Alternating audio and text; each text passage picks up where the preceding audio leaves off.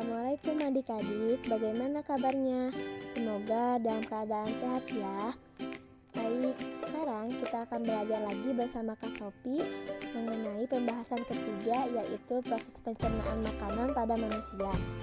Proses berlangsungnya pencernaan makanan akan bermula dari mulut sebagai bagian terluar dari rangkaian proses pencernaan.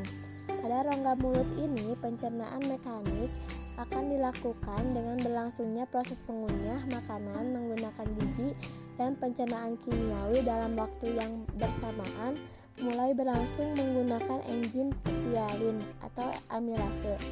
Enzim petialin berfungsi untuk mengubah makanan dalam mulut yang mengandung zat karbohidrat atau yang dalam istilah medis disebut dengan amilum menjadi gula sederhana atau maltosa.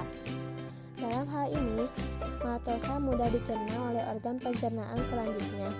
Proses selanjutnya, makanan yang sudah dihaluskan dengan menggunakan gigi dan dikunyah akan dibawa ke bagian lambung dengan melalui bagian kerongkongan atau tenggorokan. Dalam hal ini, makanan bisa turun ke bagian lambung karena adanya kontraksi otot-otot di bagian kerongkongan. Bagian lambung, makanan akan melalui proses pencernaan kimiawi menggunakan zat atau enzim yang berperan mengontrol proses ini. Adapun beberapa zat yang mengontrol proses ini di antaranya yaitu yang pertama renin. Bagian ini berfungsi untuk mengendapkan protein yang terdapat pada susu dari air susu. Pada proses ini, zat renin hanya dimiliki oleh bayi karena mereka mereka masih mengonsumsi ASI dari ibunya. Yang kedua yaitu pepsin. Zat ini berfungsi untuk memecah protein menjadi pepton. Asam klorida Zat ini berfungsi untuk mengaktifkan pepsinogen menjadi pepsin. Sebagian desinfektan serta untuk merangsang mengeluarkan hormon sekretin dan kolesistokinin pada bagian usus halus di tubuh manusia. Yang ketiga yaitu lipase. Zat ini berfungsi untuk memecah lemak menjadi asam lemak dan gliserol. Akan tetapi dalam tubuh, lipase hanya diproduksi dalam jumlah yang kecil. Setelah makanan yang diproses di bagian lambung yang membutuhkan waktu selama kurang lebih 3-4 jam, makanan tersebut akan mulai dibawa menuju usus 12 jari. Di bagian tersebut terdapat enzim-enzim yang berasal dari bagian pankreas di antaranya yaitu amilase, lipase, dan tripsinogen. Apabila belum aktif, maka enzim tripsinogen akan diaktifkan menjadi enzim tripsin, yakni enzim yang mengakibatkan protein dan pepton dari bahan Makanan yang masuk ke dalam bagian pencernaan menjadi zat dipeptida dan asam amino yang siap diserap oleh usus halus.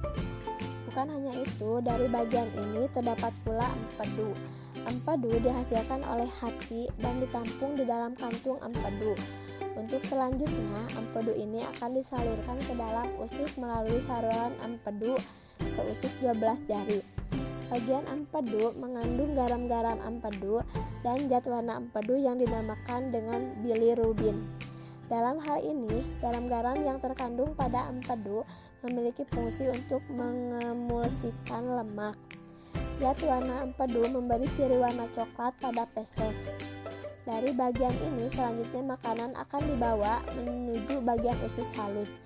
Di bagian ini terjadi proses pencernaan kimiawi yang melibatkan berbagai enzim pencernaan. Selanjutnya, proses akan dilanjutkan pada proses penyerapan yang berlangsung di usus kosong dan sebagian besar usus penyerap. Untuk makanan yang tidak dicerna oleh usus halus, misalnya seperti jenis selulosa bersama dengan lendir, bagian ini akan menuju ke bagian usus besar menjadi feses. Di dalam usus besar terdapat bakteri yang dinamakan dengan Escherichia coli. Bakteri ini bekerja dalam membantu proses pembusukan sisa makanan menjadi feses.